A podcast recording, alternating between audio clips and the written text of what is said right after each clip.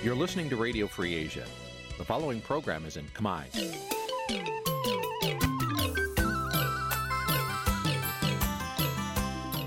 នេះជាកម្មវិធីផ្សាយ Vuthu Azizi Serai នេះជាកម្មវិធីផ្សាយរបស់ Vuthu Azizi Serai ជាភាសាខ្មែរ Vuthu Azizi Serai សូមស្វាគមន៍លោកអ្នកនាងទាំងអស់ពីរដ្ឋធានី Washington នៃសហរដ្ឋអាមេរិក។ចា ពីរដ្ឋធានី Washington នាងខ្ញុំម៉ៅសុធានីសូមជម្រាបសួរលោកអ្នកស្ដាប់ទាំងអស់ជាទីមេត្រីចាយើងខ្ញុំសូមជូនការផ្សាយសម្រាប់ព្រឹកថ្ងៃប្រហ័ស9កើតខែមិញឆ្នាំឆ្លូវត្រីស័កពុទ្ធសករាជ2565ហើយដល់ត្រូវនៅថ្ងៃទី10ខែកុម្ភៈគ្រិស្តសករាជ2022ជាដំបូងនេះសូមអញ្ជើញលោកអ្នកនាងកញ្ញាស្ដាប់ព័ត៌មានប្រចាំថ្ងៃដែលមានមេត្តាដូចតទៅ thank you វិភាគថាគណៈបក6ដែលរួបរวมគ្នា គួរបង្កើតជាគណៈបកធំមួយក្នុងការបោះឆ្នោតខាងមុខសង្គមស៊ីវិលថាតឡាការបង្ខំឲ្យលោកស្រីសំសុខាសងប្រាក់ពិន័យ10លានរៀលក្នុងរយៈពេលតែមួយថ្ងៃ គឺជារឿងមិនត្រឹមត្រូវអង្គការអាត់ហុកស្នើរដ្ឋាភិបាល បញ្ឈប់ការប្រើប្រព័ន្ធតឡាការចោតប្រកាន់និងចាប់ឃុំខ្លួនបរដ្ឋក្នុងវិវាទដីធ្លី។ បរដ្ឋរស់នៅតាមដងទន្លេសាបជួបការលំបាកខណៈទឹកទន្លេគោករាក់ជាងឆ្នាំមុនមុនរួមនឹងព័ត៌មានផ្សេងផ្សេងមួយចំនួនទៀតចាត់ជាបន្តទៅទៀតនេះនាងខ្ញុំម៉ៃសុធានីសូមជូនព័ត៌មានទាំងនោះពឺស្ដាប់ លោកនានីជាទីមេត្រីមន្ត្រីសង្គមស៊ីវិលសោកស្ដាយចំពោះទង្វើរបស់ក្រុមអ ுக ្រិតជន ដែលជាក្រុមឈ្មួញជនជាតិចិនដែលបាននាំចូលសារធាតុញៀនមកកម្ពុជាដ៏ច្រើនប្រមាណជាង120តោនកាលពីពេលថ្មីថ្មីនេះ។ ពួកគេលើកឡើងថាការនាំចូលគ្រឿងញៀនយ៉ាងច្រើនបែបនេះអាចបំផ្លាញអនាគតយុវជនខ្មែរប៉ះពាល់ដល់សេដ្ឋកិច្ចជាតិទាំងមូល និងធ្វើឲ្យកម្ពុជាមានឈ្មោះកាន់តែអាក្រក់នៅលើឆាកអន្តរជាតិចាលោកលេងម៉ាលីរាយការណ៍អំពីរឿងនេះដូចតទៅមហាមិត្តដែកថែបដែលជាសម្ព័ន្ធមិត្តចាក់ទឹកមិនលិចរបស់លោកនាយករដ្ឋមន្ត្រីហ៊ុនសែនបានបង្កើតប្រវត្តិសាស្ត្រអវិជ្ជមានជាបន្តបន្ទាប់សម្រាប់កម្ពុជា ក្នុងរយៈពេលចុងក្រោយនេះ ក្នុងនោះរួមទាំងការនាំចូលគ្រឿងញៀនរាប់សិបតោនដែលធ្វើឲ្យពលរដ្ឋរស់នៅទាំងការភ័យខ្លាចនិងបារម្ភអំពីជោគវាសនាយុវជនខ្មែរចំនួនក្រោយទទួលរងផលប៉ះពាល់កាន់តែខ្លាំងពីឥទ្ធិពលគ្រឿងញៀនស្នងការដ្ឋាននគរបាលជាតិទទួលបន្ទុកបង្ក្រាបបទល្មើសគ្រឿងញៀនលោកម៉ាក់ជីតូប្រាប់វិទ្យុអស៊ីសេរីនៅថ្ងៃទី9កុម្ភៈឲ្យដឹងថា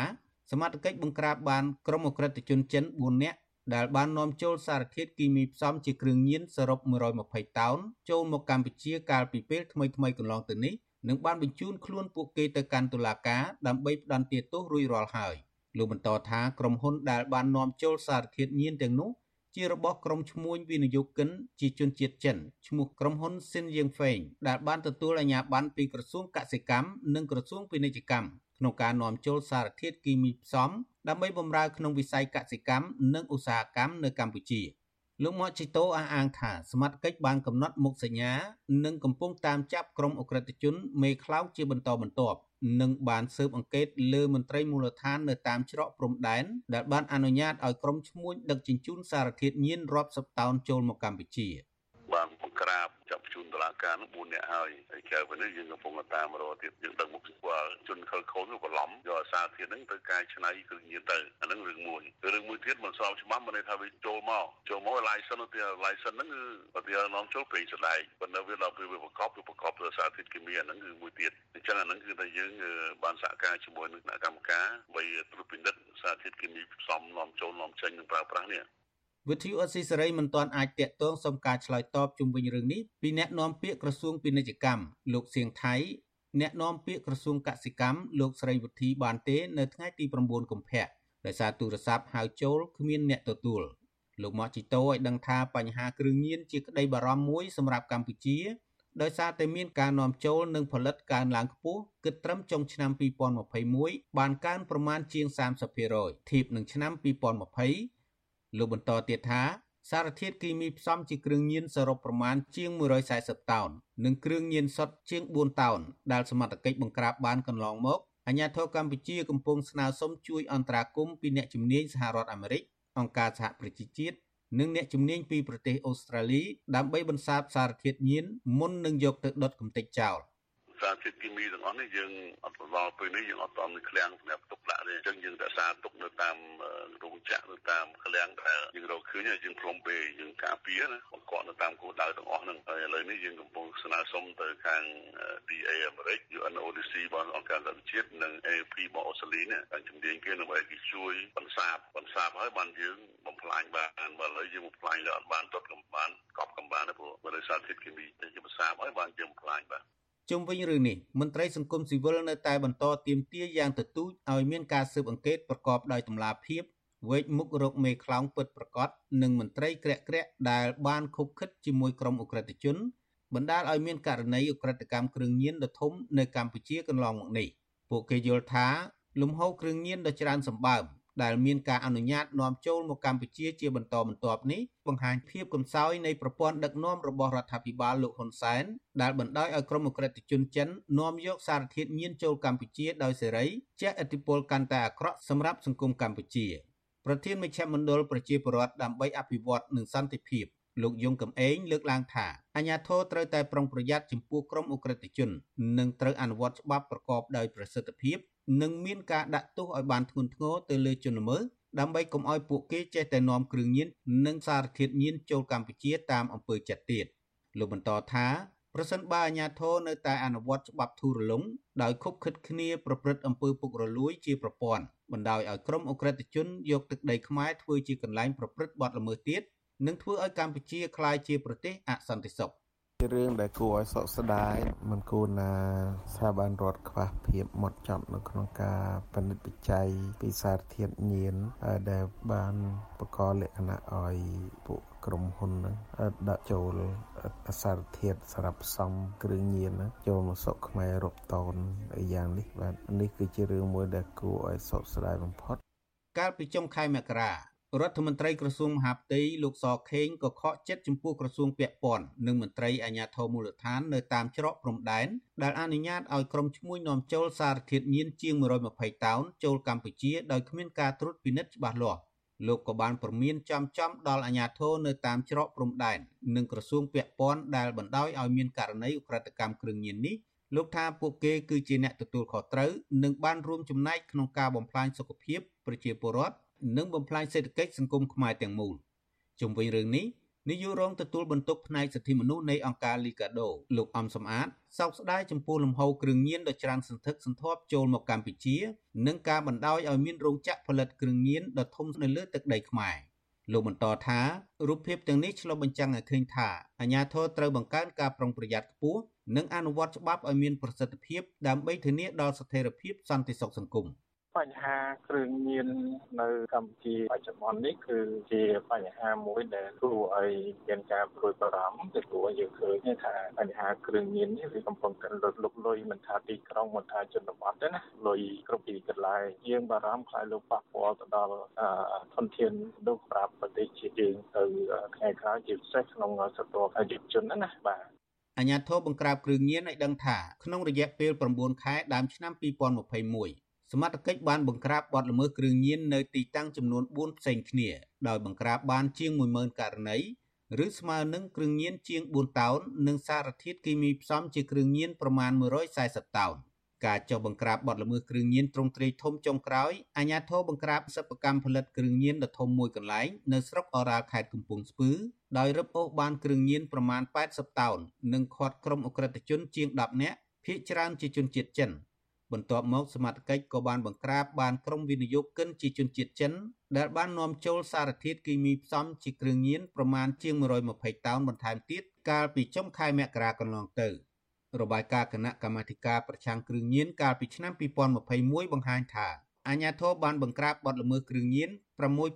6242ករណីនិងបានឃាត់ខ្លួនមនុស្សជាង13000នាក់ ក្នុងចំណោមជនសង្ស័យទាំងនោះមានមនុស្សជាង4400នាក់ជាប់ពាក់ព័ន្ធនឹងការជួញដូរគ្រឿងញៀននិងមនុស្សជាង8500នាក់ប្រើប្រាស់គ្រឿងញៀនរួមទាំងជនបរទេស363នាក់ផ្សេងទៀតពាក់ព័ន្ធនឹងការប្រើប្រាស់គ្រឿងញៀនអ ுக ្រិតកម្មគ្រឿងញៀនចុងក្រោយនេះភាគច្រើនបង្កឡើងដោយអ ுக ្រិតជនជាជនជាតិចិនខ្ញុំបាទលេងម៉ាលីវិទ្យុអស៊ីសេរីរាយការណ៍ពីរដ្ឋធានី Washington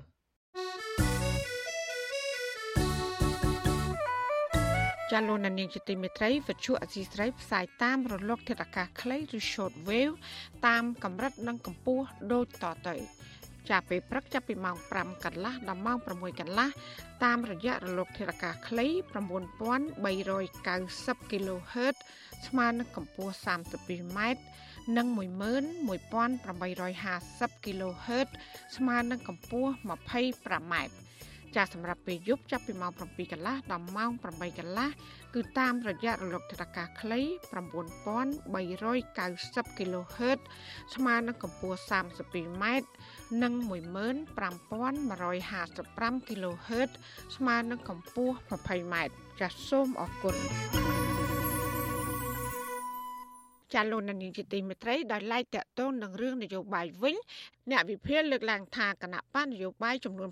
6ដែលភាកច្រើនកាត់ចេញពីអតីតមន្ត្រីគណៈបកសង្គ្រោះជាតិគួរតែចងសម្ព័ន្ធភាពនយោបាយជាមួយគ្នាបង្កើតជាគណៈបកធំមួយដើម្បីប្រកួតប្រជែងជាមួយនឹងគណៈបកប្រជាជនកម្ពុជា ក្នុងការបោះឆ្នោតខាងមុខសូមស្ដាប់សេចក្តីរាយការណ៍របស់លោកយុនសមៀនជំវិញព័ត៌មាននេះ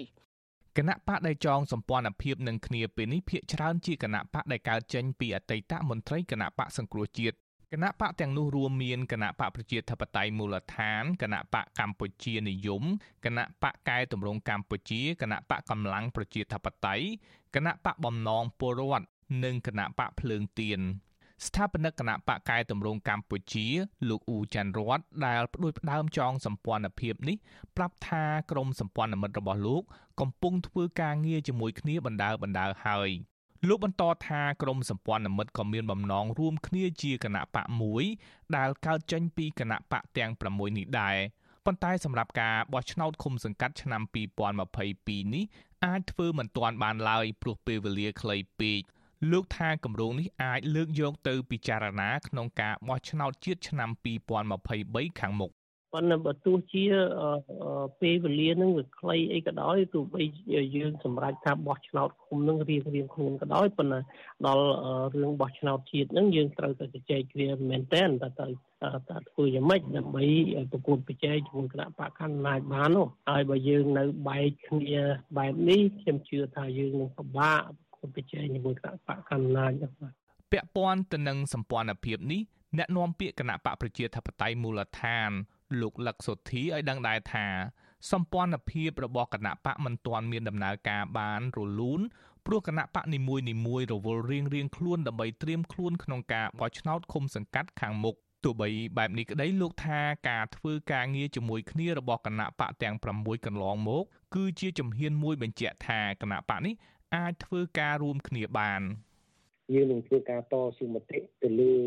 រឿងមួយចំនួនដែលជារឿងផលប្រយោជន៍រួមបងនៅពេលខាងមុខនេះថ្នាក់ដឹកនាំនឹងពិចារណាក្នុងការបន្តទៀមទាជាពិសេសទៅលើនីតិវិធី ការកែប្រែនីតិវិធីការបោះឆ្នោតរបស់គូចបនឹងហើយអាចធ្វើញាប់ធ្វើអីទៅស្ថាប័នពាក់ព័ន្ធផ្សេងផ្សេងទៀតដើម្បីឲ្យជួយអន្តរាគមន៍ដែរ កាលពីខែមករាគណៈបកទាំង6បានរួមគ្នាស្នើសុំកោជបរក្សាទុកនិងចែករំលែកឬបិទផ្សាយព័ត៌មាននិងទិន្នន័យបឋមក្នុងទម្រង់1102នៅតាមការិយាល័យបោះឆ្នោតដដែលសំណើនេះធ្វើឡើងក្រោយពេលកោជបមានគម្រោងកែប្រែការបិទផ្សាយទម្រង់1102ដោយបដូរមកជាការស្កេនរួចបោះពុម្ពផ្សាយតាមកុំព្យូទ័រហើយប្រគល់ឲ្យគណៈកម្មការរៀបចំការបោះឆ្នោតតាមឃុំសង្កាត់ ចែកជូនតំណាងគណៈបកនយោបាយតាមឃុំសង្កាត់លោកលឹកសធាឲ្យដឹងថាឋានៈដឹកនាំគណៈបកទាំងនេះក៏ត្រៀមចេញសេចក្តីថ្លែងការណ៍បន្តទៀតដើម្បីតស៊ូមតិទាមទារផលប្រយោជន៍រួមរបស់អ្នកប្រជាធិបតេយ្យជុំវិញការរួមគ្នាបង្កើតគណៈបកនយោបាយក្រៅរដ្ឋាភិបាលនេះអ្នកនាំពាក្យរដ្ឋាភិបាលលោកផៃស៊ីផានយល់ថាសម្ព័ន្ធភាពនេះបង្កើតឡើងដើម្បីតាក់ទាញទឹកចិត្តពលរដ្ឋដែលគ្រប់គ្រងគណៈបកសង្គ្រោះជាតិ លោកថាសម្ព័ន្ធភាពនេះគ្មានគុណភាពនយោបាយឡើយហើយក៏មិនបានធ្វើឲ្យគណៈបកប្រជាជនកម្ពុជាបារម្ភនោះដែរទីមួយគេមិនមែនយកគុណភាពនៃគោលនយោបាយនោះទេគេអត់យកគុណភាពនឹងទេក៏ប៉ុន្តែគេយកចំនួនដូចធ្វើសេចក្តីថ្លែងការណ៍គេយកចំនួនមកដើម្បីយកមកតតាំងតែប៉ុណ្ណឹងដូច្នេះมันមានផលិតប៉ះពាល់ដល់គណៈបកប្រជាជនទេគណៈបកប្រជាជនគឺយកគោលនយោបាយអនុវត្ត ជុំវិញរឿងនេះដែរអ្នកវិភាគនយោបាយដែលកំពុងភៀសខ្លួននៅប្រទេសហ្វាំងឡង់លោកកឹមសុខយល់ថាបើគណៈបកទាំងនេះមានជំហរនយោបាយដូចគ្នាទៅហើយមេដឹកនាំគណៈបកទាំងនេះគួរធ្វើនយោបាយរួមគ្នាលោកបន្តថាសម្ព័ន្ធភាពគណៈបកនយោបាយទាំងនោះគួររកវិធីបង្កើតគោលការណ៍រួមដើម្បីរួមគ្នាបង្កើតគណៈបកនយោបាយមួយយកទៅប្រកួតប្រជែងជាមួយគណៈបកកណ្ដាលអំណាចកុំត្រឹមតែសហការគ្នាជាសកម្មភាព និងសេចក្តីថ្លែងការណ៍រកវិធីបង្កើតនៅគោលការណ៍រួមខ្ញុំដឹងថាការរួបរวมគ្នាវាមិនស្រួលនោះទេពីព្រោះយុទ្ធវិធីនៃការធ្វើក៏មិនសមស្របគ្នាដួងចិត្តនៃមនុស្សក៏មិនដូចគ្នាហើយទស្សនៈវិស័យនៃការបញ្ចេញសារនយោបាយពេលខ្លះក៏ខុសគ្នាប៉ុន្តែយ៉ាងណាយើងមានគោលដៅរួមទៅហើយគួរតែពិចារណាអំពីការបង្កើតគោលការណ៍រួម ការចងក្រងសម្ព័ន្ធភាពនយោបាយរបស់គណៈបកទាំងនេះគណៈការបោះឆ្នោតកាន់តែគៀកចិត្តមកដល់ប៉ុន្តែគណៈបកសង្គ្រោះជាតិដែលជាដៃគូប្រកួតប្រជែងនឹងគណៈបកកណ្ដាលអំណាចនៅមិនទាន់មានសញ្ញាណាមួយថាអាចចូលរួមការបោះឆ្នោតជ្រើសរើសសមាជិកក្រុមប្រឹក្សាគុំសង្កាត់ឆ្នាំ2022និងការបោះឆ្នោតជាតិឆ្នាំ2023ខាងមុខបាននៅឡើយទេខ្ញុំយុនសាមៀនវិទ្យុអាស៊ីសេរីប្រធានាធិបតី Washington អាស៊ីសេរី ចាលោកនាងកញ្ញាជាទីមេត្រីតឡាការខេត្តកំពង់ស្ពឺបានដោះលែងអតីតកម្មជនគណៈបកសង្គ្រោះជាតិលោកត្រីសំសុខាវិញហើយក្រោយពីបានជាប់ពន្ធនាគារ4ឆ្នាំគ្រប់ចំនួនទោសកំណត់អតីតកម្មការនេះរោងចក្រកាត់ដេរលោកត្រីសំសុខាប្រាប់វិទ្យុសិស្រីកាលពីយប់ថ្ងៃទី9ខែកុម្ភៈម្សិលមិញ ថាតឡាការបានបង្ខំឲ្យលោកស្រីបង់ប្រាក់ពិន័យចំនួន10លានរៀលឬស្មើជាង2000ដុល្លារទៅដើមបណ្ដឹងដែលជាមន្ត្រីជាន់ខ្ពស់រដ្ឋាភិបាល លោកស្រីបញ្ជាក់ថាលោកស្រីគ្មានលុយបង់ប្រាក់ពីនៃនេះទេដោយសារតែតឡាកាបានទុកពេលឲ្យតែមួយថ្ងៃប៉ុណ្ណោះក្រោយពីបានដោះលែងដើម្បីរកលុយចំនួន10លានរៀលបង់សំណងទៅដើមបណ្ដឹងហើយថាបើមិនមានទេតឡាកាប្រមាននឹងចាប់ដាក់ពន្ធនាគារឡើងវិញ។ចាលោកស្រីសំសុខាត្រូវបានតឡាការខេត្តកំពង់ស្ពឺកាត់ទោសកំបាំងមុខឲ្យជាប់ពន្ធនាគាររយៈពេល2ឆ្នាំហើយនឹងពិន័យជាប្រាក់ 5លានរៀលពីបទជេរប្រមាថនិងញុះញង់ឲ្យមានការរើសអើងពាក់ព័ន្ធនឹងរូបភាពវីដេអូមួយ ដែលបានបង្ហោះនៅលើបណ្ដាញសង្គម Facebook កាលពីខែមេសាឆ្នាំ2017ដែលបង្ហាញថាលោកស្រីបានយកស្បែកជើងគប់ទៅលើស្លាកគណៈបកប្រជាជនកម្ពុជាដែលមានរូបលោកនាយករដ្ឋមន្ត្រីហ៊ុនសែននិងលោកហេងសំរិទ្ធ កាលនោះលោកស្រីបានភៀសខ្លួនទៅប្រទេសថៃ និងទទួលបានសិទ្ធិជាជនភៀសខ្លួន ពីឧត្តមស្នងការអង្គការសហប្រជាជាតិទទួលបន្ទុកជនភៀសខ្លួនប្រចាំនៅទីក្រុងបាងកកក្រោយមកអាជ្ញាធរថៃក៏បានចាប់ខ្លួនលោកស្រីនិងបញ្ជូនមកឲ្យអាជ្ញាធរកម្ពុជាវិញ កាលពីថ្ងៃទី8ខែកុម្ភៈឆ្នាំ2018ហើយបានបញ្ជូនទៅឃុំខ្លួននៅពន្ធនាគារខេត្តកំពង់ស្ពឺនៅថ្ងៃទី9ខែកុម្ភៈ បន្ទាប់មកតឡាការខេត្តនេះក៏បានកាត់ទោសលោកស្រីឲ្យជាប់ពន្ធនាគារ2ឆ្នាំបន្ថែមទៀតក្នុងបទចោទដដែលពាក់ព័ន្ធនឹងការរិះគន់រដ្ឋាភិបាល លើបណ្ដាញសង្គមនៅពេលដែលភៀសខ្លួននៅឯប្រទេសថៃ។សំណុំរឿងទាំងពីរនេះលោកត្រីសំសុខាត្រូវជាប់ពន្ធនាគារចំនួន4ឆ្នាំ និងបង្គាប់ឲ្យបង់ប្រាក់ពិន័យសរុបចំនួន10លានរៀលទៀត តាក់ទងនឹងករណីតឡាការបង្ខំឲ្យលោកត្រីសំសុខាសងប្រាក់ពិន័យចំនួន10លានរៀលក្នុងរយៈពេលតែមួយថ្ងៃនោះក្រមមន្ត្រីសិទ្ធិមនុស្សអះអាងថាជារឿងមិនត្រឹមត្រូវនោះឡើយអ្នកនាំពាក្យសមាគមសិទ្ធិមនុស្សអាត់ហុកលោកសឹងសានករណាមានប្រសាសន៍ថាលោកត្រីសំសុខាមិនទាន់មានត្រីភាពពេញលេញនៅឡើយបើទោះបីជាជាប់ទោសគ្រប់ចំនួនទោសកំណត់4ឆ្នាំទៅហើយក្តី ដូច្នេះតឡាការមិនគួរបង្ខំឲ្យលោកស្រីសងប្រាក់ពិន័យក្នុងរយៈពេលខ្លីតែមួយថ្ងៃបែបនេះឡើយ។រីឯនាយករងផ្នែកសិទ្ធិមនុស្សនៃអង្គការសិទ្ធិមនុស្សលីកាដូ លោកអំសំអាតបញ្ជាក់ថាការកំណត់រយៈពេលខ្លីឲ្យលោកស្រីដើម្បីរកលុយបង់ប្រាក់ពិន័យរយៈពេលខ្លីបែបនេះគឺជាការដាក់បន្ទុកធ្ងន់ធ្ងរដល់លោកស្រីសំសុខាលោកបញ្ជាក់ថាការធ្វើបែបនេះគឺជារឿងផ្ទុយពីច្បាប់ ច្បាប់ស្ដីពីក្រមនីតិវិធីព្រហ្មទណ្ឌមាត្រា530ចែងអំពីធរៈវេលាត្រូវបង់ប្រាក់ពិន័យចំនួនទឹកប្រាក់និងការបង្ខំដល់រាងកាយធរៈវេលាបង់ប្រាក់ពិន័យគឺទឹកប្រាក់បង់ពិន័យនោះចាប់ពី5លានរៀលទៅដល់10លានរៀលគឺមានធរៈវេលា6ខែសម្រាប់ឲ្យទណ្ឌិតរកលុយសងទៅដើមបណ្ដឹងរដ្ឋបវេនី រីឯការចាប់ឃុំខ្លួនឡើងវិញ ក្នុងករណីតណ្ឌិតមិនសងប្រាក់ពិន័យមាត្រា526ចែងថាលុះផុតកំណត់ រយៈពេលសងប្រសិនបើតណ្ឌិតមិនបានបង់ប្រាក់នោះទេបរិយាអាញាចាញ់បញ្ជាឲ្យបង្ខំនិងឲ្យឃុំខ្លួនបរិយាអាញាអាចបង្អង់សេចក្តីសម្រេចនេះដោយមូលហេតុមនុស្សធម៌ជាអាចដូចជាស្ថានភាពសុខភាពតណ្ឌិតជាដើម ចាសសូមលោកអ្នកនាងកញ្ញារងចាំស្ដាប់បទសម្ភាសជាមួយនឹងលោកស្រីសំសុខាជំវិញបញ្ហានេះនៅក្នុងការផ្សាយរបស់យើងនាពេលបន្តិចទៀតនេះ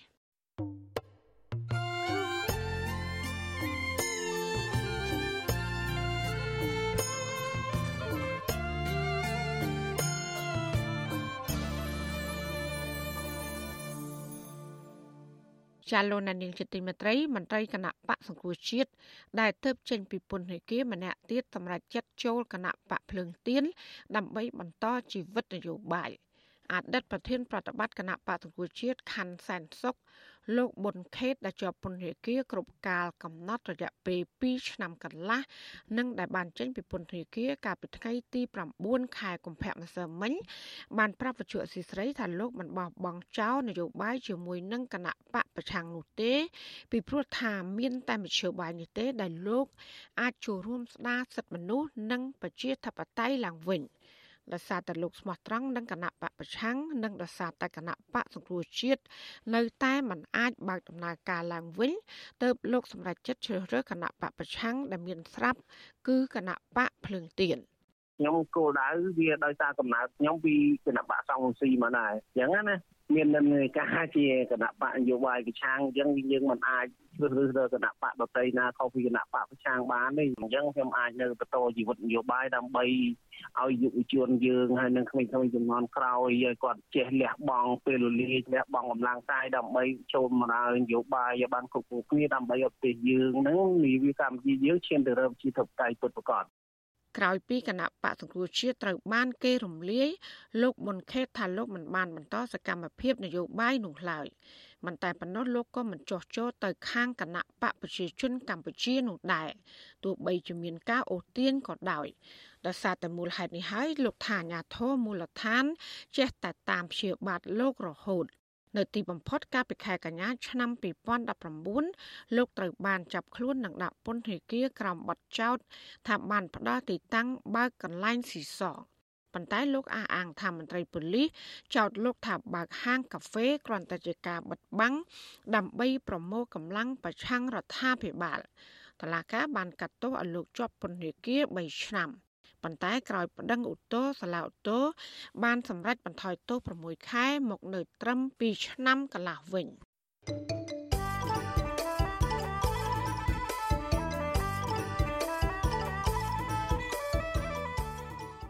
ចាប់ពាក់ព័ន្ធនឹងចំនួនដីធ្លីវិញសមាគមការពារសិទ្ធិមនុស្សអាត់ហុកស្នើឲ្យរដ្ឋាភិបាល បញ្ឈប់ការប្រើប្រព័ន្ធតឡាការចោតប្រកាន់និងចាប់ឃុំខ្លួនបរិវត្តក្នុងចំនួនដីធ្លីតទៅទៀត។ សំណើនេះធ្វើឡើងនៅបន្ទាប់ពីអង្គការមួយនេះ បានចេញផ្សាយរបាយការណ៍មួយ ស្ដីពីការចោទប្រកាន់ការចាប់ឃុំខ្លួន នៅក្នុងរឿងវិវាទដីធ្លីដែលបានរកឃើញ ថាមានបរិវត្តជិត200នាក់កំពុងជាប់បណ្ដឹងអាជ្ញានិងបរិវត្ត17នាក់ទៀតកំពុងជាប់ឃុំនៅពន្ធនាគារចាលូទីនសាករាមានសេចក្តីរាយការណ៍ពុស្ដាជំវិញព័ត៌មាននេះ របាយការណ៍កម្រាស់34ទំព័រចេញផ្សាយដោយសមាគមការពារសិទ្ធិមនុស្សអាត់ហុកនៅថ្ងៃទី9កុម្ភៈបង្ហាញថាក្នុងឆ្នាំ2021មានវិវាទដីធ្លីជិត200ករណីលើទំហំដីជិត60000ហិកតាដែលបង្កផលប៉ះពាល់ដល់ប្រជាពលរដ្ឋជិត20000គ្រួសារក្នុងនោះមានជនជាតិដើមភាគតិចជាង1000គ្រួសារ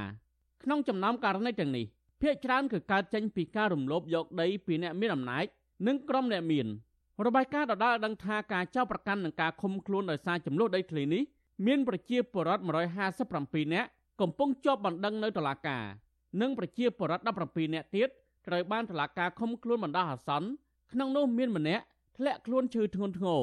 រហូតដល់ស្លាប់ក្រោយពេលបញ្ជូនដល់មន្ទីរពេទ្យសមាគមអាត់ហុករកឃើញថាករណីប្រជាសហគមន៍មានវិវាទដីធ្លីជាប់បណ្ដឹងអាជ្ញានិងដាក់ឲ្យស្ថិតនៅក្រោមការត្រួតពិនិត្យរបស់តុលាការ មាននៅខេត្តត្បូងឃ្មុំចំនួន44នាក់ខេត្តឧត្តរមានជ័យ28នាក់ខេត្តកណ្ដាល21នាក់ខេត្តក្រចេះ18នាក់និងខេត្តកំពង់ស្ពឺចំនួន15នាក់សមាគមការពារសិទ្ធិមនុស្សអាត់ហុកបញ្ជាក់ថាការចាប់ប្រកាន់ពីតុលាការទៅលើប្រជាពលរដ្ឋមានចំនួនដីធ្លីនេះដែលនិយមប្រើកន្លងមកនោះរួមមានចោទប្រកាន់ពីបទហិង្សាមានស្ថានទម្ងន់ទោសធ្វើឲ្យខូចខាតដោយចេតនាមានស្ថានទម្ងន់ទោសញុះញង់ឲ្យប្រព្រឹត្តបទអក្រិតជាអាត និងបទប្រឆាំងអ្នករាជការសាធារណៈមានស្ថានទម្ងន់ទោសជាដើមតំណាងសហគមន៍លពីងម្នាក់ដែលកំពុងជាប់បណ្ដឹង4ករណីនៅតុលាការខេត្តកំពង់ឆ្នាំង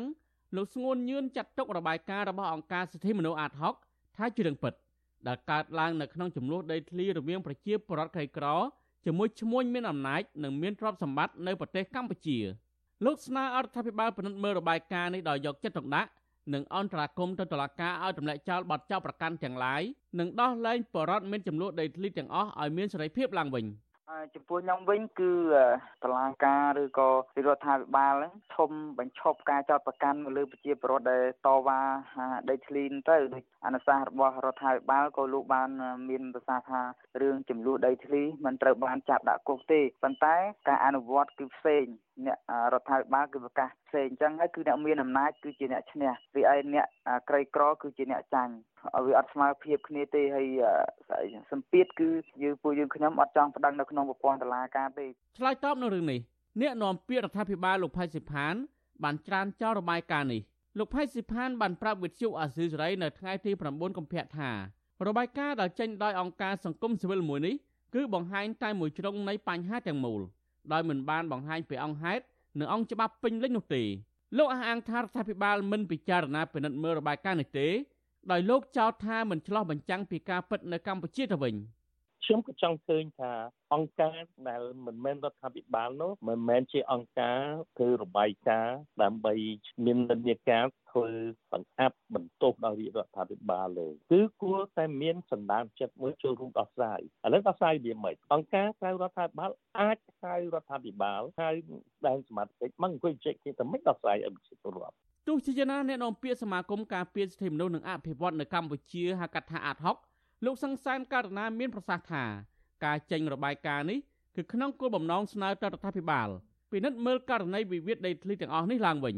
និងជួយអន្តរាគមន៍ដោះលែងបរិវត្តទាំងអស់ឲ្យមានសេរីភាពហើយបន្តដោះស្រាយវិវាទដីធ្លីដោយសន្តិវិធីក្រៅប្រព័ន្ធតុលាការជំនួសវិញ។ ជាអ្វីដែលយើងរកឃើញទាំងអស់យើងបានដាក់នៅក្នុងចំណុចអនុសាសន៍ទាំង8ហើយដែលជាអ្វីដែលយើងចង់បានហើយ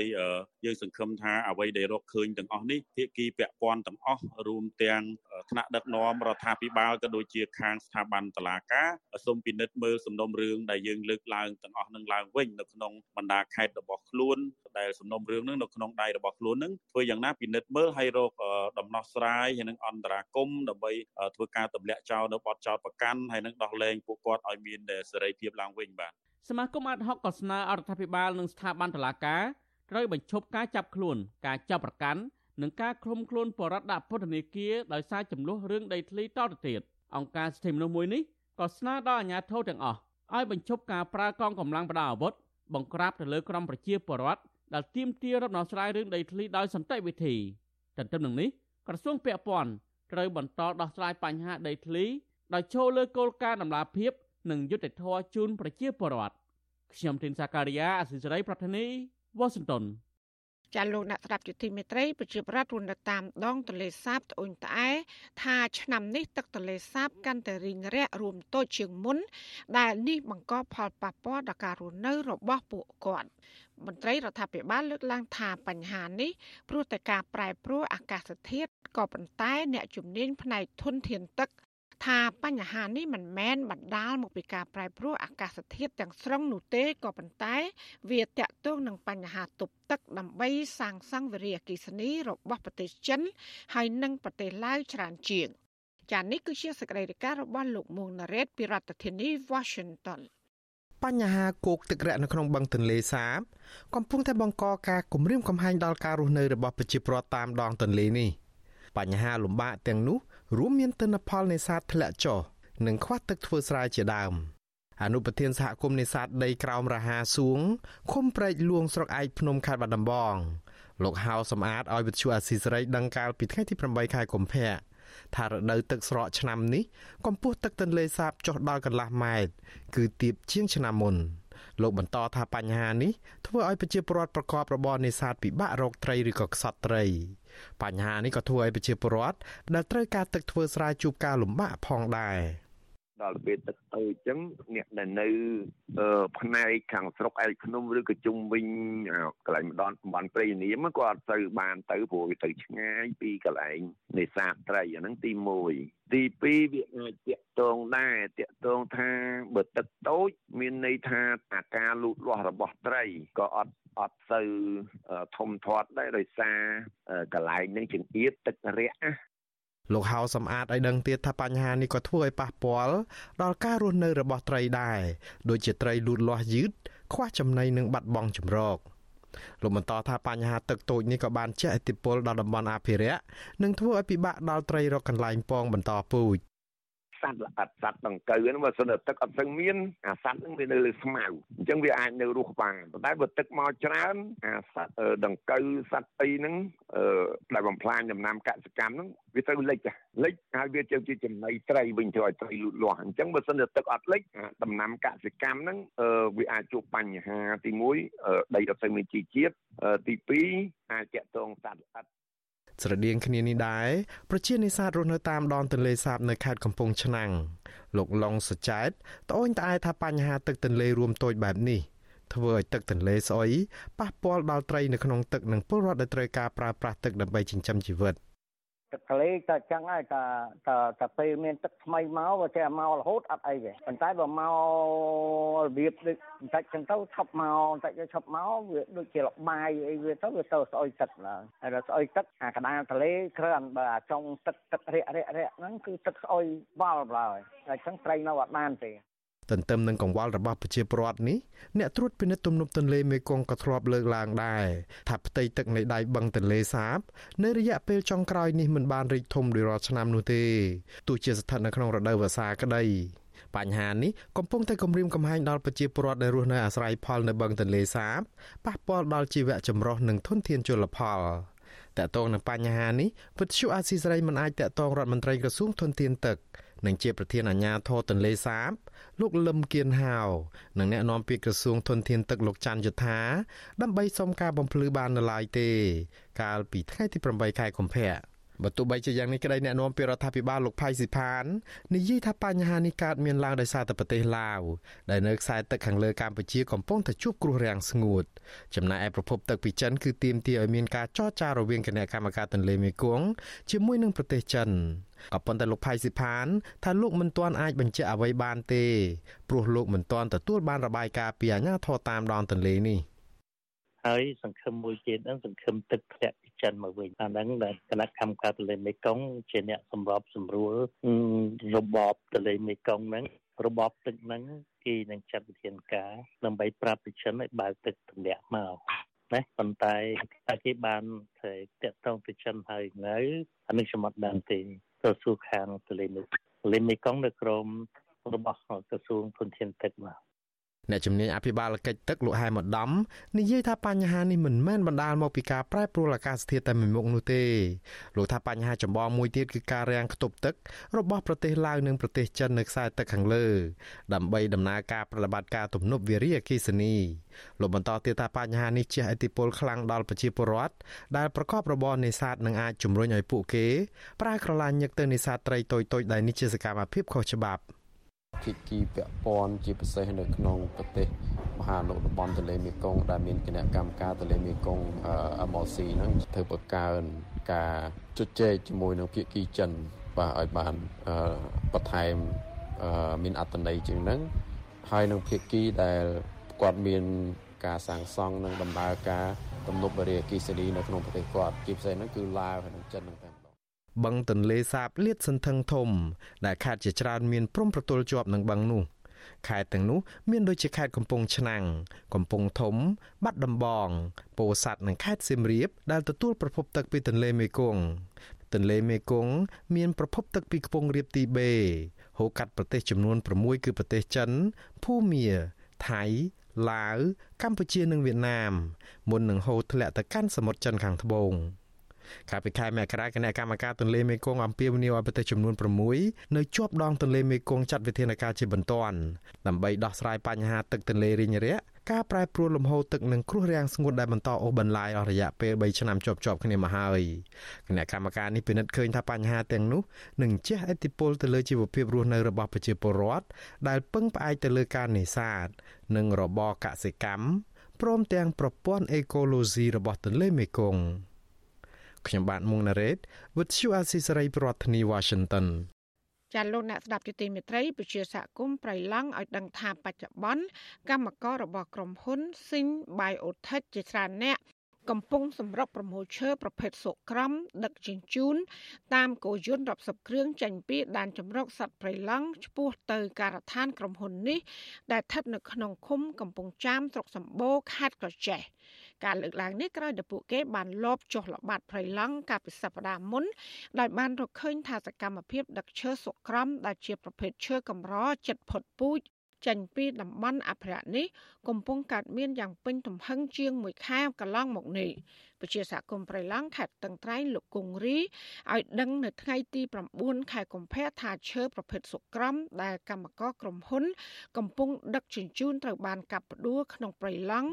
ជាង1ឆ្នាំមកហើយដើម្បីងាយស្រួលធ្វើរបាយការណ៍បន្លំជាឈើស្របច្បាប់រួចដឹកចេញទៅក្រៅ។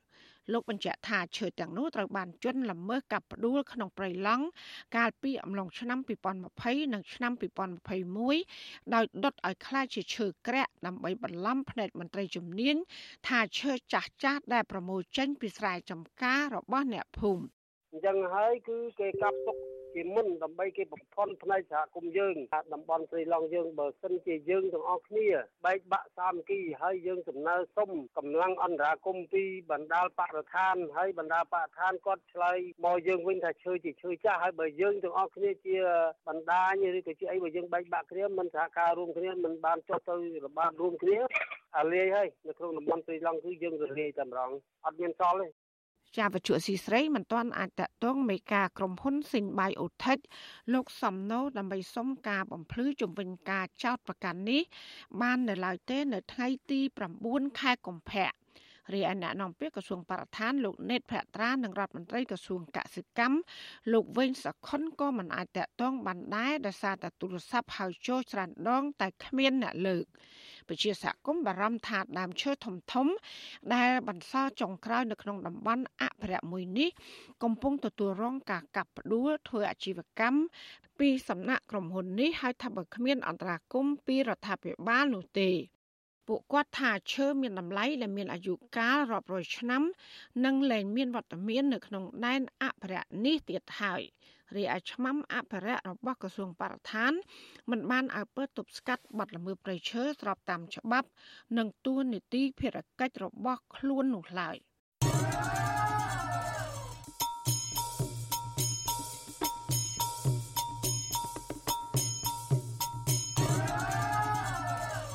ចាលោកអ្នកស្ដាប់យុតិមេត្រីជំវិញការជួញដូរនិងការកាប់បំផ្លាញប្រឈើនេះដែរក្រមយុវជននៅពីនីវអាញាធរខេត្តឧត្តរមានជ័យយកចិត្តទុកដាក់ពង្រឹងប្រសិទ្ធភាពអភិរក្សព្រៃសហគមន៍សង្រុកវ័នឲ្យមានប្រសិទ្ធភាពយូរអង្វែងក្រមយុវជនព្រួយបារម្ភពីជោគវាសនាសត្វព្រៃកម្រជាច្រើនប្រភេទដូចជាសត្វខ្ទីងទន្សោងជ្រូកព្រៃនិងប្រាសជាដើម ដែលកំពុងប្រឈមការបាត់បង់ជាបន្តបន្ទាប់ ដោយសារតែជនខិលខូចបានពង្រាយអន្តៈនៅទីតាំងសំខាន់សំខាន់ដែលសត្វព្រៃឆ្លងកាត់ក្នុងតំបន់ព្រៃសហគមន៍សង់រុក្ខវ័នរីឯការអនុវត្តច្បាប់របស់អាជ្ញាធរនៅតែខ្វះចន្លោះច្រើន និងខ្វះការសហការល្អរវាងប្រជាសហគមន៍និងអាជ្ញាធរពាក់ព័ន្ធ មន្ត្រីសម្របសម្រួលគម្រោងនៃសមាគមបណ្ដាញយុវជនកម្ពុជាលោកអូតឡាទីនឲ្យដឹងនៅថ្ងៃទី9ខែកុម្ភៈថាអ្វីត្បិតតែប្រសង់មានភាពសកម្មអភិរក្សព្រៃនេះក៏ប៉ុន្តែបើខ្វះការសហការជាមួយនឹងអាជ្ញាធរលោកមិនសង្ឃឹមថាព្រៃនេះនឹងគង់វង្សបានយូរនោះឡើយលោកថានៅក្នុងពេលដែលចោះល្បាតព្រៃរយៈពេល4ថ្ងៃពួកលោករកឃើញអន្ទាក់ចាប់សត្វព្រៃជាង20អន្ទាក់នៅចំណុចក្បាលឡានហើយអន្ទាក់ទាំងនោះអាចមានលទ្ធភាពចាប់សត្វព្រៃបានដោយងាយលោកផ្ដាល់អនុសាសន៍ថាអាញាធរគោរពមធ្យោបាយទប់ស្កាត់បាត់ល្មើសព្រៃឈើឲ្យបានគ្រប់ជ្រុងជ្រោយនិងផ្ដល់កិច្ចសហការល្អជាមួយសហគមន៍ក្នុងពេលដែលបង្ក្រាបបាត់ល្មើស សត្វព្រៃជាច្រើនភេទសត្វដែលកម្របានជាប់អន្ទាក់ខ្លះណាស្លាប់វាជាហានិភ័យសម្រាប់សត្វព្រៃចៃស្នើសូមអាជ្ញាធរពាក់ព័ន្ធកំពុងតែមិនទាន់យកចិត្តទុកដាក់អំពីបញ្ហាព្រៃឈើនៅតំបន់ព្រៃសង់រុក្ខវ័តនឹងយកចិត្តទុកដាក់បានខ្ពស់មែនទែនក្នុងការការពារព្រៃឈើសត្វព្រៃហើយចោះល្បាតឲ្យបានញឹកញាប់ហើយជាពិសេសគឺធ្វើការអនុវត្តច្បាប់ឲ្យកុំឲ្យមានការលើកលែង កាលពីថ្ងៃទី5និងទី6ខែកុម្ភៈអាជ្ញាធរខេត្តឧត្តរមានជ័យប្រជាសហគមន៍ប្រជាបរតមូលដ្ឋាន និងប្រសង់ជាង100នាក់បានប្រារព្ធពិធីបុណ្យខួបលើកទី22ឆ្នាំ នៃការបង្កើតប្រិយសហគមន៍សង្រុកវ័ននៅទីស្នាក់ការប្រិយសហគមន៍ក្នុងពេលចូលរួមពិធីបុណ្យនោះក្រមយុវជន បានឆ្លៀតចុះល្បាតព្រៃនិងបោះតង់ស្នាក់នៅក្នុងព្រៃសហគមន៍អស់រយៈពេល3យប់ ដើម្បីសិក្សាពីស្ថានភាពព្រៃសហគមន៍នេះប្រធានប្រិយសហគមន៍សង្រុកវ័នបណ្ឌិតគុណថោធុរស់មានធរណិកាថាអន្តៈចាប់សត្វព្រៃនិងការលួចកាប់ឈើធ្នង់គឺជាបញ្ហាប្រឈមមួយដែលសហគមន៍ពិបាកទប់ស្កាត់ ព្រះអង្គមានថរណិកាថាកន្លងទៅសត្វប្រើសខ្ទីងជ្រូកនិងទន្សោងជាដើម បានបាត់បង់ជាបន្តបន្ទាប់ដោយសារតែអន្ទាក់របស់ក្រុមជនល្មើសបានដាក់ពង្រាយជាច្រើនតំបន់នៅក្នុងដែនអភិរក្សនេះមកដល់ពេលនេះនៅមិនទាន់មានវិធានការទប់ស្កាត់បទល្មើសទាំងនេះបាននៅឡើយទេហើយគណៈដែលអាជ្ញាធរភូមិនិងឃុំខ្លះមានជាប់ពាក់ព័ន្ធនឹងបទល្មើសទាំងនេះ។ ព្រះសង្ឃមានភាពសកម្មនៅក្នុងការការពារធនធានធម្មជាតិនៅក្នុងតំបន់ព្រៃសង់រុក្ខវ័នក៏ប៉ុន្តែអ្វីដែលយើងមើលឃើញអំពីចំណុចខ្វះខាតដែលគួរតែពង្រឹងបន្ថែមនឹងគឺត្រូវការការជួយជ្រោមជ្រែងការជួយយកចិត្តទុកដាក់ពីសំណាក់អាជ្ញាធរគ្រប់លំដាប់ថ្នាក់ជាពិសេសគឺអាជ្ញាធរថ្នាក់ខេត្តថ្នាក់ថ្នាក់ជាតិថ្នាក់ក្រមជាតិអីហ្នឹងគឺត្រូវតែជួយគ្រប់គ្រងពួកគាត់ជួយគ្រប់គ្រងព្រះសង្ឃដើម្បីធ្វើកិច្ចការងារនឹងឲ្យកាន់តែមានប្រសិទ្ធភាព ឆ្លើយតបរឿងនេះអភិបាលរងខេត្តឧត្តរមានជ័យលោកហ៊ួនវណ្ណិតបានថ្លែងនៅក្នុងពិធីបុណ្យខួបប្រិយសហគមន៍ថាលោកលើកទឹកចិត្តឲ្យក្រមយុវជនយកចិត្តទុកដាក់ចូលរួមការពារនិងអភិរក្សធនធានធម្មជាតិឲ្យបានគង់វង្សលោកជំរុញអាជ្ញាធរត្រូវបន្ថែមកិច្ចសហការល្អជាមួយប្រសង់ក្រមយុវជន ក្នុងការអភិរក្សព្រៃនេះនិងទប់ស្កាត់បទល្មើសព្រៃឈើគ្រប់រូបភាពឲ្យមានប្រសិទ្ធភាព។ ព្រៃសហគមន៍សង់រុក្ខវ័នមានផ្ទៃដីជាង30000ហិកតាស្ថិតនៅក្នុងស្រុកកន្លងវែងចុងកាល់និងស្រុកសំរោងក្នុងខេត្តឧត្តរមានជ័យព្រៃសហគមន៍នេះមានបឹងធម្មជាតិដ៏ស្រស់ស្អាតមួយ ដែលមានទំហំ6000ហិកតាសម្បូរត្រីជីវៈចម្រុះនិងមានសត្វព្រៃកម្រជាច្រើនប្រភេទរស់នៅ ដូចជាសត្វខ្ទីងទន្សោងស្វាប្រើខ្លារខិនខ្លាឃ្មុំតូចឆ្កែព្រៃនិងសត្វកង្កោកជាដើម លោកឡាទីនបន្ថែមទៀតថាអ្វីត្បិតតែប្រសង់ជាច្រើនអង្គកំពុងសកម្មណាស់ក្នុងការថែទាំព្រៃសហគមន៍នេះក៏ប៉ុន្តែនៅតែមានចំណុចខ្វះខាតមួយចំនួនដែលទាមទារឲ្យអាជ្ញាធរពង្រឹងប្រតិបត្តិការងារឲ្យបានច្បាស់លាស់ លោកកោតសរសើរប្រសង់និងអាជ្ញាធរខេត្តនេះដែលខំប្រឹងប្រែងអភិរក្សព្រៃសហគមន៍នេះដែលជាព្រៃនៅសេសសល់ចុងក្រោយគេនិងក្លាយជាតំបន់អភិរក្សគំរូមួយនៅកម្ពុជាបើសិនបើបញ្ហាខ្វះចន្លោះត្រូវបានបំពេញបន្ថែម។ អាជ្ញាធរថ្នាក់ក្រមជាតិនិងថ្នាក់ជាតិនឹងគួរតែមានវិធានការជួយការពារនិងអភិរក្សសត្វដូចជាប្រភេទសត្វកម្រជាពិសេសនៅព្រៃសង់រុក្ខវ័ននេះដូចញោមបានដឹងស្រាប់ហើយថានៅក្នុងប្រទេសខ្មែរយើងគឺមានតែព្រៃនេះមួយទេដែលនៅសេសសល់ឈើសង់រុក្ខវ័ននេះជាព្រៃឈើដែលសេសសល់ចុងក្រោយគេហើយ របាយការណ៍របស់ប្រជាសហគមន៍បង្ហាញថាអំឡុងឆ្នាំ2021មានសត្វព្រៃជាច្រើនប្រភេទរួមមានសត្វប្រើឆ្លុះទន្សោងនិងខ្ទីងជាដើម បានងាប់ដោយសារអន្ទាក់រាយឯមន្ត្រីជំនាញបានដោះអន្ទាក់ជាង2000អន្ទាក់ក្នុងព្រៃសហគមន៍នេះចំណែកឈើធ្នង់ត្រូវគេលួចកាប់យ៉ាងហោចណាស់1000ដើម ដែលមានមុខកាត់ពី2ទឹកដល់6ទឹកប្រវែង3ម៉ែត្រដល់6ម៉ែត្រ ក្រមយុវជនរំពឹងថាអាជ្ញាធរខេត្តឧត្តរមានជ័យនឹងទទួលយកចំណុចខ្វះខាតមកកែលម្អឡើងវិញដើម្បីអភិរក្សព្រៃសហគមន៍ដែលបន្សល់ចុងក្រោយនេះឲ្យគង់វង្សដល់កូនចៅចំនួនក្រោយហើយសត្វព្រៃកម្រជាច្រើនប្រភេទនឹងមានចម្រុកយូរអង្វែងតាក់ទាញភ្ញៀវទេសចរ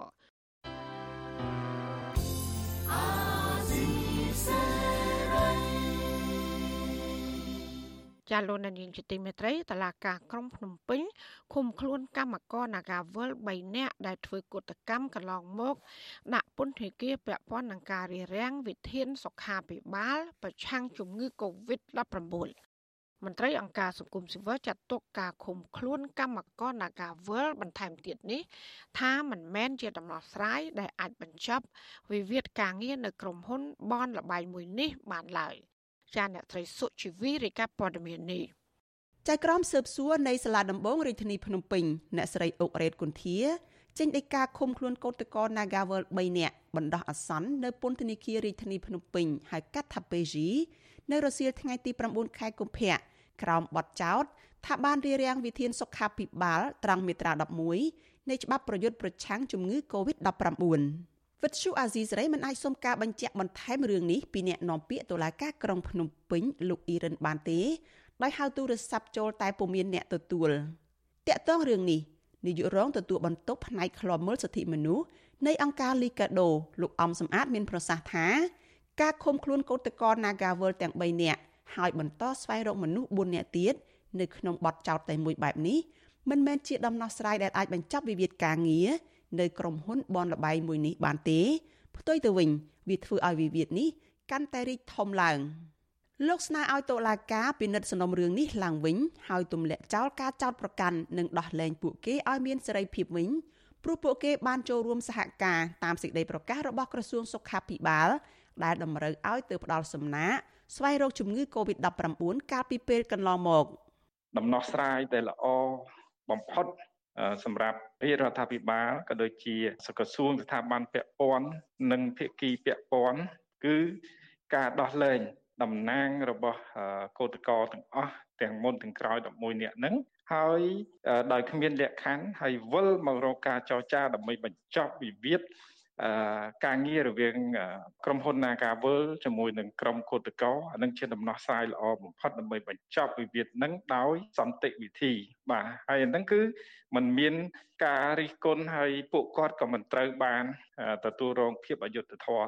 បន្តទៅទៀតដែរបាទកាលពីថ្ងៃទី5ខែកុម្ភៈបរិយាអាញារងនៃសាលាដំបងរាជធានីភ្នំពេញលោកសេងហៀងបានចេញដីកាបង្គាប់ឲ្យសមត្ថកិច្ចនាំខ្លួនកម្មករ Nagavel ដែលធ្វើកោតកម្ម ចំនួន7នាក់ទៅសាកសួរនៅការិយាល័យប្រឆាំងភេរវកម្មនិងអ ுக ្រិតកម្មឆ្លងដែននៃស្នងការដ្ឋាននគរបាលរាជធានីភ្នំពេញឲ្យបានមុនថ្ងៃទី19ខែកុម្ភៈដើម្បីសាកសួរពីដំណើររឿងរារាំងដល់ការអនុវត្តវិធានការសុខាភិបាលការចេញដីកានាំខ្លួនក្រុមកោតក្រនេះធ្វើឡើងស្របពេលដែលក្រសួងសុខាភិបាលតម្រូវឲ្យក្រុមកម្មករ Nagavel ដែលធ្វើកោតកម្មទៅផ្ដាល់សំណាក់ឲ្យក្រុមគ្រូពេទ្យនៅមជ្ឈមណ្ឌលកោះពេជ្រក្នុងរយៈពេល3ថ្ងៃ ចាប់ពីថ្ងៃទី5ដល់ថ្ងៃទី7ខែកុម្ភៈកន្លងមកសមត្ថកិច្ចរាជធានីភ្នំពេញបានចាប់ខ្លួនលោកជួបចនាតលោកសេងវណ្ណរិទ្ធនិងលោកសោកសម្បត្តិកាលពីយប់ថ្ងៃទី5ខែកុម្ភៈក្រោយពេលពួកគេ ចេញពីកន្លែងផ្ដល់សំណាក់រោគជំងឺ Covid-19 នៅមជ្ឈមណ្ឌលកោះពេជ្រសមត្ថកិច្ចកំពុងស្វែងរកចាប់ខ្លួនស្ត្រីកោតក្រ4នាក់ទៀតមានកញ្ញាអុកសុភ័ក្រមូលីកាកញ្ញាមេងកានិកាកញ្ញាអេងស្រីបូនិងលោកស្រីខេងចិន្តា ប៉ុន្តែស្ត្រីកោតតកទាំង4នាក់នេះបានចេញមុខឆ្លើយតបរឿងនេះថាពួកគេមិនបានគិតវេះការតាមចាប់ខ្លួនពីសមត្ថកិច្ចនោះទេពួកគេអះអាងថានឹងចូលខ្លួនទៅបំភ្លឺនៅស្នងការដ្ឋាននគរបាលរាជធានីភ្នំពេញតាមដីកាបង្គាប់របស់តុលាការក្រោយធ្វើចាត់តល័យស័កនៅផ្ទះរួចរាល់តាមវិធានសុខាភិបាលក្រុមកោតក្រ Nagavel ជិត1000នាក់បានផ្ដល់សំណាកជំងឺ Covid-19 ឲ្យក្រុមគ្រូពេទ្យនៃក្រសួងសុខាភិបាលរួចរាល់ហើយ ពួកគេកំពុងធ្វើចាត់តល័យស័កនៅតាមផ្ទះរយៈពេល10ថ្ងៃតាមការណែនាំរបស់គ្រូពេទ្យចំណែកកម្មករ33នាក់ដែលបានធ្វើតេស្តរកឃើញមានជំងឺ Covid-19 មាន30នាក់ត្រូវបញ្ជូនទៅព្យាបាលនៅមណ្ឌលចាត់តល័យស័កអូឡ িম্প ិកហើយ3នាក់ទៀតសម្រាប់ព្យាបាលនៅផ្ទះក្រុមកោតក្រដែលជាបុគ្គលិកកម្មករនៅក្រុមហ៊ុនបនលបៃ Nagavel ឲ្យដឹងថាពួកគេមិនបានរៀបរៀងវិធានការរបស់អាជ្ញាធរឡើយហើយពួកគេអះអាងទៀតថា នឹងជួបជុំគ្នាធ្វើកោតកម្មដោយអហិង្សាបន្តទៀតក្រោយពីបានធ្វើចាត់តល័យស័កនៅផ្ទះចប់តាមការណែនាំរបស់ក្រសួងសុខាភិបាលពួកគេបញ្ជាក់ថាការតវ៉ានៅពេលខាងមុខនេះគឺទាមទារឲ្យមានការដោះលែងតំណាងសហជីព8នាក់ដែលកំពុងជាប់ពន្ធនាគារនិងទម្លាក់ចោលបទចោទហើយដោះលែងកោតក្រ7នាក់ទៀតដើម្បីឲ្យពួកគេបានវិលចូលតុចរចាដោះស្រាយបញ្ចប់វិវាទការងារជាមួយក្រុមហ៊ុនឲ្យបានត្រឹមត្រូវតាមច្បាប់ ដោយភាពស្មោះត្រង់យុត្តិធម៌និងតម្លាភាពនាងខ្ញុំសុជីវីវិទ្យុអាស៊ីសេរីពីរដ្ឋធានី Washington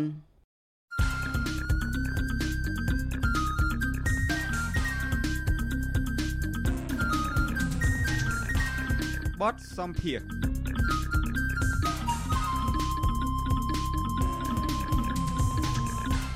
ចាលោកនាងកញ្ញាជាទីមេត្រីតឡាការខេត្តកំពង់ស្ពឺ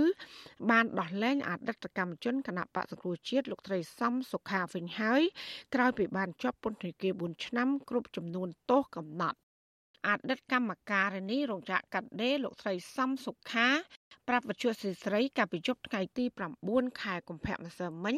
ថាតឡាការបានបង្ខំឲ្យលោកស្រីបង់ប្រាក់ពិន័យចំនួន10លានរៀលឬស្មើជាង2000ដុល្លារទៅដើមបណ្ដឹង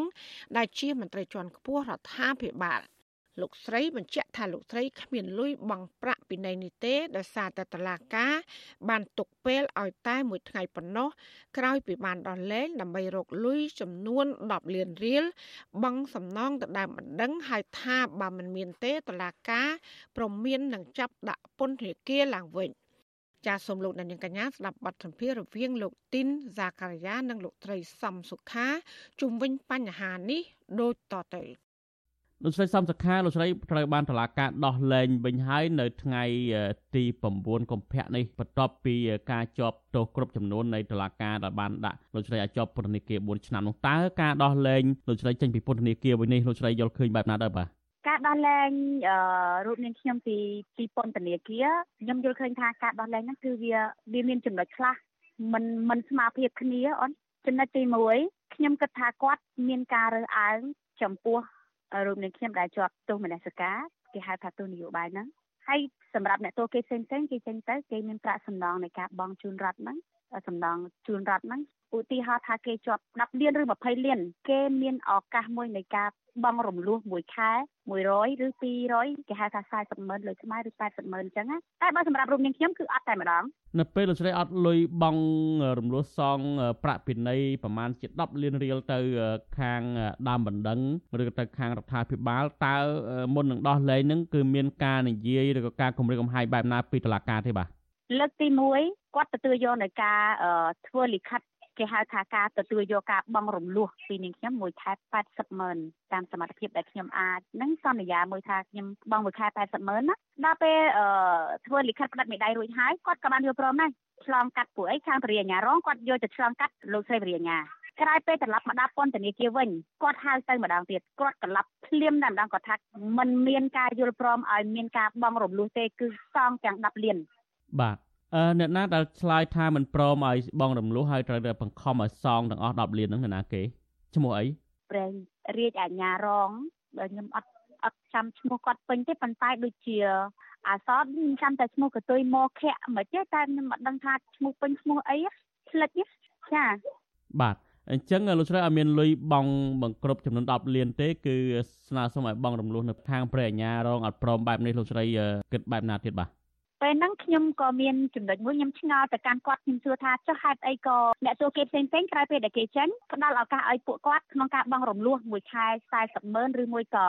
បើមានប្រាក់ក្នុងការបង់រំលោះខ្លះ5លានឬក៏10លានអីភ្លាមភ្លាមតែម្ដងអញ្ចឹងណាគេធ្វើលិខិត បន្តបន្ទាប់ដល់ពេលអញ្ចឹងខ្ញុំសួរបានតែត្រឹមតែប៉ុណ្្នឹងឯងគឺគាត់ផ្ទះតុកគឺគាត់ផ្ទះតុកគម្រាមយើងតែម្ដងគាត់ថា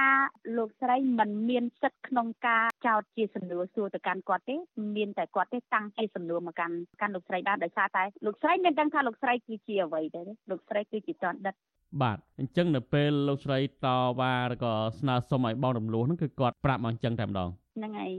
នៅនៅពេលណាដែលការឆ្លងឆ្លាក់ហ្នឹងបាទ ពេលដែលខ្ញុំទៅលើកទី2ហ្នឹងគឺគេឲ្យយើងហាច់ក្រដាស់អាកដាស់ដែលគេធ្វើមួយខែ80ម៉ឺនរំលោះឲ្យយើងយល់ព្រមហ្នឹងណា ហើយចោលគឺធ្វើសារជាថ្មីហ្នឹងហើយខ្ញុំថាมันមានការឬมันផ្ដល់ឱកាសឲ្យខ្ញុំសូម្បីតែពិភាក្សាជាមួយក្រុមគ្រួសារដើម្បីរកប្រាក់មកមកបង់សំណងជូនរដ្ឋទេឬមួយក៏យ៉ាងម៉េចគាត់ស្ដាប់ហើយគាត់មិន reply មកកាន់យើងយ៉ាងម៉េចទេប៉ុន្តែគាត់ថាมันមានប៉ុន្តែជំរឿមានពីរគេធ្វើតាមនីតិវិធីច្បាប់ទី1រឹបអូសយកទ្រព្យសម្បត្តិរបស់លោកស្រីទី2ជំរិតឃុំខ្លួនឧទាហរណ៍ថាប្រាក់សំណងហ្នឹងវា10លាននៅក្នុងនីតិវិធីច្បាប់របស់គេ ចាប់ពី5លាន1រៀលឡើងទៅដល់10លានគឺ ជាប់ចម្រិតឃុំខ្លួនហ្នឹង6ខែអញ្ចឹងបើសិនជាលោកស្រីមិនមានការបង់ឲ្យខាងគេទេបង់សំណងជូនរដ្ឋហ្នឹងទេគឺគេដាក់គេសម្រេចចិត្តថាគេប្រើនីតិវិធីច្បាប់មួយហ្នឹងគឺដាក់រយៈពេល6ខែហ្នឹងហើយគេគេគេថាបើសិនជាខ្ញុំមានសំណើមួយថាសូមពិភាក្សាជាមួយក្រុមគ្រួសារសិនអញ្ចឹងគេនឹងឆ្លងកាត់យោបល់ព្រះរាជអាជ្ញាសិនតែមើលតើគាត់នឹងយល់ឃើញរបៀបបែបម៉េចដល់ពេលហើយអញ្ចឹងគេឲ្យយើងមកពន្ធនាគារវិញសិនហើយទៅវិញម្ដងទៀត3ដង ទៅវិញម្ដងទៀតគេថាអឺបន្ទាប់ពីការសុំរយៈពេលមួយថ្ងៃគឺគិតចាប់ពីចាប់ម៉ោងទៅគឺប្រហែលជាពេលល្ងាចហ្នឹងទៅរហូតដល់ព្រឹកឡើងគេឲ្យខ្ញុំធ្វើកិច្ចសន្យាបើសិនជាខ្ញុំមិនមានប្រាក់បង់សំណង10លានគេនឹងធ្វើតាមនីតិវិធីច្បាប់ខ្ញុំគិតថាបើសិនជាថ្ងៃស្អែកបើខ្ញុំពិភាក្សាជាមួយក្រុមគ្រួសារខ្ញុំទៅបើសិនជាគាត់មិនមានសមត្ថភាពក្នុងការបង់សំណងជូនរដ្ឋ10លានហ្នឹងទេខ្ញុំក៏សម្រេចចិត្តនឹងទទួលទោសហើយគេបញ្ជាក់ទៀតណា លោកស្រីកុំចង់ក្រឡះប្រព័ន្ធច្បាប់គាត់បញ្ជាតែតាមទូរស័ព្ទគឺលោកស្រីមិនអាចជិះខ្លួនបានខ្ញុំថាមនុស្សដូចខ្ញុំគ្រប់ពាក្យសន្យាបើខ្ញុំមិនមានលុយបង់10លានគឺខ្ញុំសុខចិត្តទទួលទោស6ខែបន្តទៀតខ្ញុំប្រាប់គាត់បែបហ្នឹងដោយសារថាអញ្ចឹងលោកស្រីស្នើសុំរយៈពេល1ថ្ងៃក្នុងការពិភាក្សាជាមួយក្រុមគ្រួសារហ្នឹងគឺជាលោកស្រីជាអ្នកស្នើសុំទេណា និយាយអញ្ចឹងណាខ្ញុំថាហ្នឹងហើយអត់បញ្ហាដោយសារតែខ្ញុំជាប់ទោសមក4ឆ្នាំខ្ញុំអាចទ្រាំបានត្រឹមតែ1ថ្ងៃរងចាំជួបក្រុមគ្រួសារខ្ញុំមិនមានបញ្ហាទេសម្រាប់ខ្ញុំខ្ញុំគិតតែអញ្ចឹងបាទអញ្ចឹងមុនដោះលែងហ្នឹងគឺមានការចរចាឲ្យចុងក្រោយនឹងដល់គេទុកពេលឲ្យលោកស្រីមួយថ្ងៃហ្នឹងបាទបាទការដល់និយាយគ្នាហ្នឹងនៅថ្ងៃទី9កុម្ភៈហ្នឹងមែនបាទហ្នឹងហើយថ្ងៃទី9កុម្ភៈអញ្ចឹងថ្ងៃទី10កុម្ភៈជាថ្ងៃកំណត់ដែលយើងត្រូវនឹងឲ្យឆ្លើយតបនឹងគេថាមានឬមិនមានបាទបាទឥឡូវអ្នកស្រីមានលុយទេមើលទៅ ខ្ញុំមានលុយមកពីណាអូន បងជាប់ឃុំជាប់នៅក្នុងឃុំគ្រួសារក៏ក្រីក្រទៀតហើយបងមានលុយមកពីណាទៅបងសំណងជូនរដ្ឋ10លានมันមានអ្នកណាជួយទេណាការជាប់ពន្ធនាគាររបស់បងរយៈពេល4ឆ្នាំគឺមានតែក្រុមគ្រួសារខ្ញុំសុទ្ធតែម្ដងដុតដៃដុតជើងបាទអញ្ចឹងលោកស្រីត្រៀមខ្លួននៅក្នុងការដើរចូលគុកវិញបើសិនជាមិនមានលុយឲ្យគេបើសិនជាគេចាប់ខ្ញុំនឹងត្រៀមខ្លួនបើសិនជាខ្ញុំមិនមានប្រាក់ក្នុងការបង់សំណងពីនៃជូនរដ្ឋ10លាន បាទអរគុណងាកមកពីស្ថានភាពជាប់ពន្ធនាគារវិញក្នុងរយៈពេល4ឆ្នាំមកនេះតើលោកស្រីប្រឈមនឹងបញ្ហាអ្វីខ្លះទៅបាទនៅក្នុងពន្ធនាគាររយៈពេល4ឆ្នាំដែលខ្ញុំជាប់នៅក្នុងពន្ធនាគារ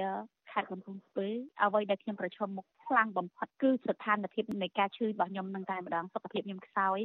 ឈឺឈឺអីខ្លះទៅបាទខ្ញុំឈឺច្រើនឈឺញឹកញាប់ហើយមានបញ្ហាឆ្លងកូវីដអីផងចឹងដោយសាររយៈយើងជួបគ្រួសារអូនឆ្លងនៅក្នុងឆ្នាំណាក្នុងខែណា ខែ1ឆ្នាំ2021ជំងឺ Covid ខ្ញុំឆ្លងលក្ខណៈមួយថាកាលហ្នឹងយើងអត់ទាន់បានចាក់វ៉ាក់សាំងឆ្លងធ្ងន់ធ្ងរតែម្ដងដល់ថ្នាក់ខ្ញុំទេផ្ដាំក្រុមគ្រួសារទេផ្ដាំគាត់ឡើងក្រុមគ្រួសារខ្ញុំយំគ្រប់គ្នាតែម្ដងហើយពេលឈឺនឹងមានពេទ្យព្យាបាលត្រឹមត្រូវទេក្នុងពន្ធនាគារពេទ្យមានពេទ្យព្យាបាលប៉ុន្តែអ្នកជំងឺវារាប់ពាន់អូនរាប់ពាន់អ្នកអញ្ចឹងឈឺផ្សេងផ្សេងគ្នាតែពេលខ្លះគាត់ ដូចថាជួយអន្តរាគមដែរដោយបញ្ជូនមកព្យាបាលនៅពេទ្យខេត្តប៉ុន្តែដូចថាយកមកអត់មានមកពីថ្ងៃវិញគេមិនទាន់មកមើលយើងបានប៉ារ៉ាមកគ្រាប់ផងអូនអញ្ចឹងចាំបាច់គឺត្រូវត្រឡប់ទៅវិញវាយថ្នាំតាមធម្មតាអញ្ចឹងលោកស្រីគេបញ្ជូនមកពេទ្យខេត្តដែរអត់ទេចាបញ្ជូនទៅពេទ្យខេត្តរយៈពេល2ថ្ងៃរយៈពេល2ថ្ងៃដោយមិនមានដូចថាមិនមានការព្យាបាលពីមន្ទីរពេទ្យខេត្តអញ្ចឹងមិនមានការយកចិត្តទុកដាក់អញ្ចឹងខ្ញុំក៏ត្រឡប់ទៅវិញត្រឡប់ទៅវិញយើងទិញថ្នាំប្រើខ្លួនឯងតែម្ដងអូន ទិញថ្នាំប្រើខ្លួនឯងផងថ្នាំដែលលោកចាងវាងប្រធានពន្ធនាគារនឹងគាត់ចែកជូនផងប្រើផ្សំគ្នា បាទអរគុណច្រើនលោកស្រីសំសខាចុងក្រោយលោកស្រីមានអ្វីផ្ដាយផ្ដាំឬមានអ្វីបន្ថែមបាទចំណុចចុងក្រោយដែលខ្ញុំសូមផ្ដាយផ្ដាំខ្ញុំគ្រាន់តែចង់ផ្ដាយផ្ដាំទៅកាន់អឺរាជរដ្ឋាភិបាលក៏ដូចជាដើមបណ្ដឹងមេត្តាឲ្យគាត់យោគយល់និងអធិស្ឋានមកដល់ស្ថានភាព បច្ចុប្បន្នស្ថានភាពក្រុមគ្រួសារខ្ញុំគឺក្រីក្រតែម្ដងណាអញ្ចឹងគួរណាស់តែឲ្យគាត់យោគយល់និងអធិស្ឋានមកដល់ខ្ញុំខ្លះមិនមែនរឹតបន្តឹងខ្ញុំឲ្យខ្ញុំតွားច្រកដល់ថ្នាក់ហ្នឹងទេរហូតឲ្យខ្ញុំវិលត្រឡប់បើបើសិនខ្ញុំមិនមានប្រាក់សម្ដងក្នុងការបងឲ្យខ្ញុំវិលត្រឡប់ទៅរកការជាប់ឃុំដល់ទៅ6ខែទៀតអញ្ចឹងគេអ្នកចេញមុនមុនគេនៅតែចេញបានគេមិនមានលុយបងគេនៅតែចេញបានអញ្ចឹងសម្រាប់ខ្ញុំគ្រាន់តែសងរំលោះក៏មិនមានការយោគយល់ខ្ញុំដែរអញ្ចឹងពេលហ្នឹងខ្ញុំខ្ញុំគិតថាឲ្យមានការយោគយល់ផងក្នុងនាមជាខ្មែរដូចគ្នាសូមអរគុណច្រើនលោកស្រីសំតខាបាទ ចាចាចាអរគុណច្រើនអូនជំរាបលា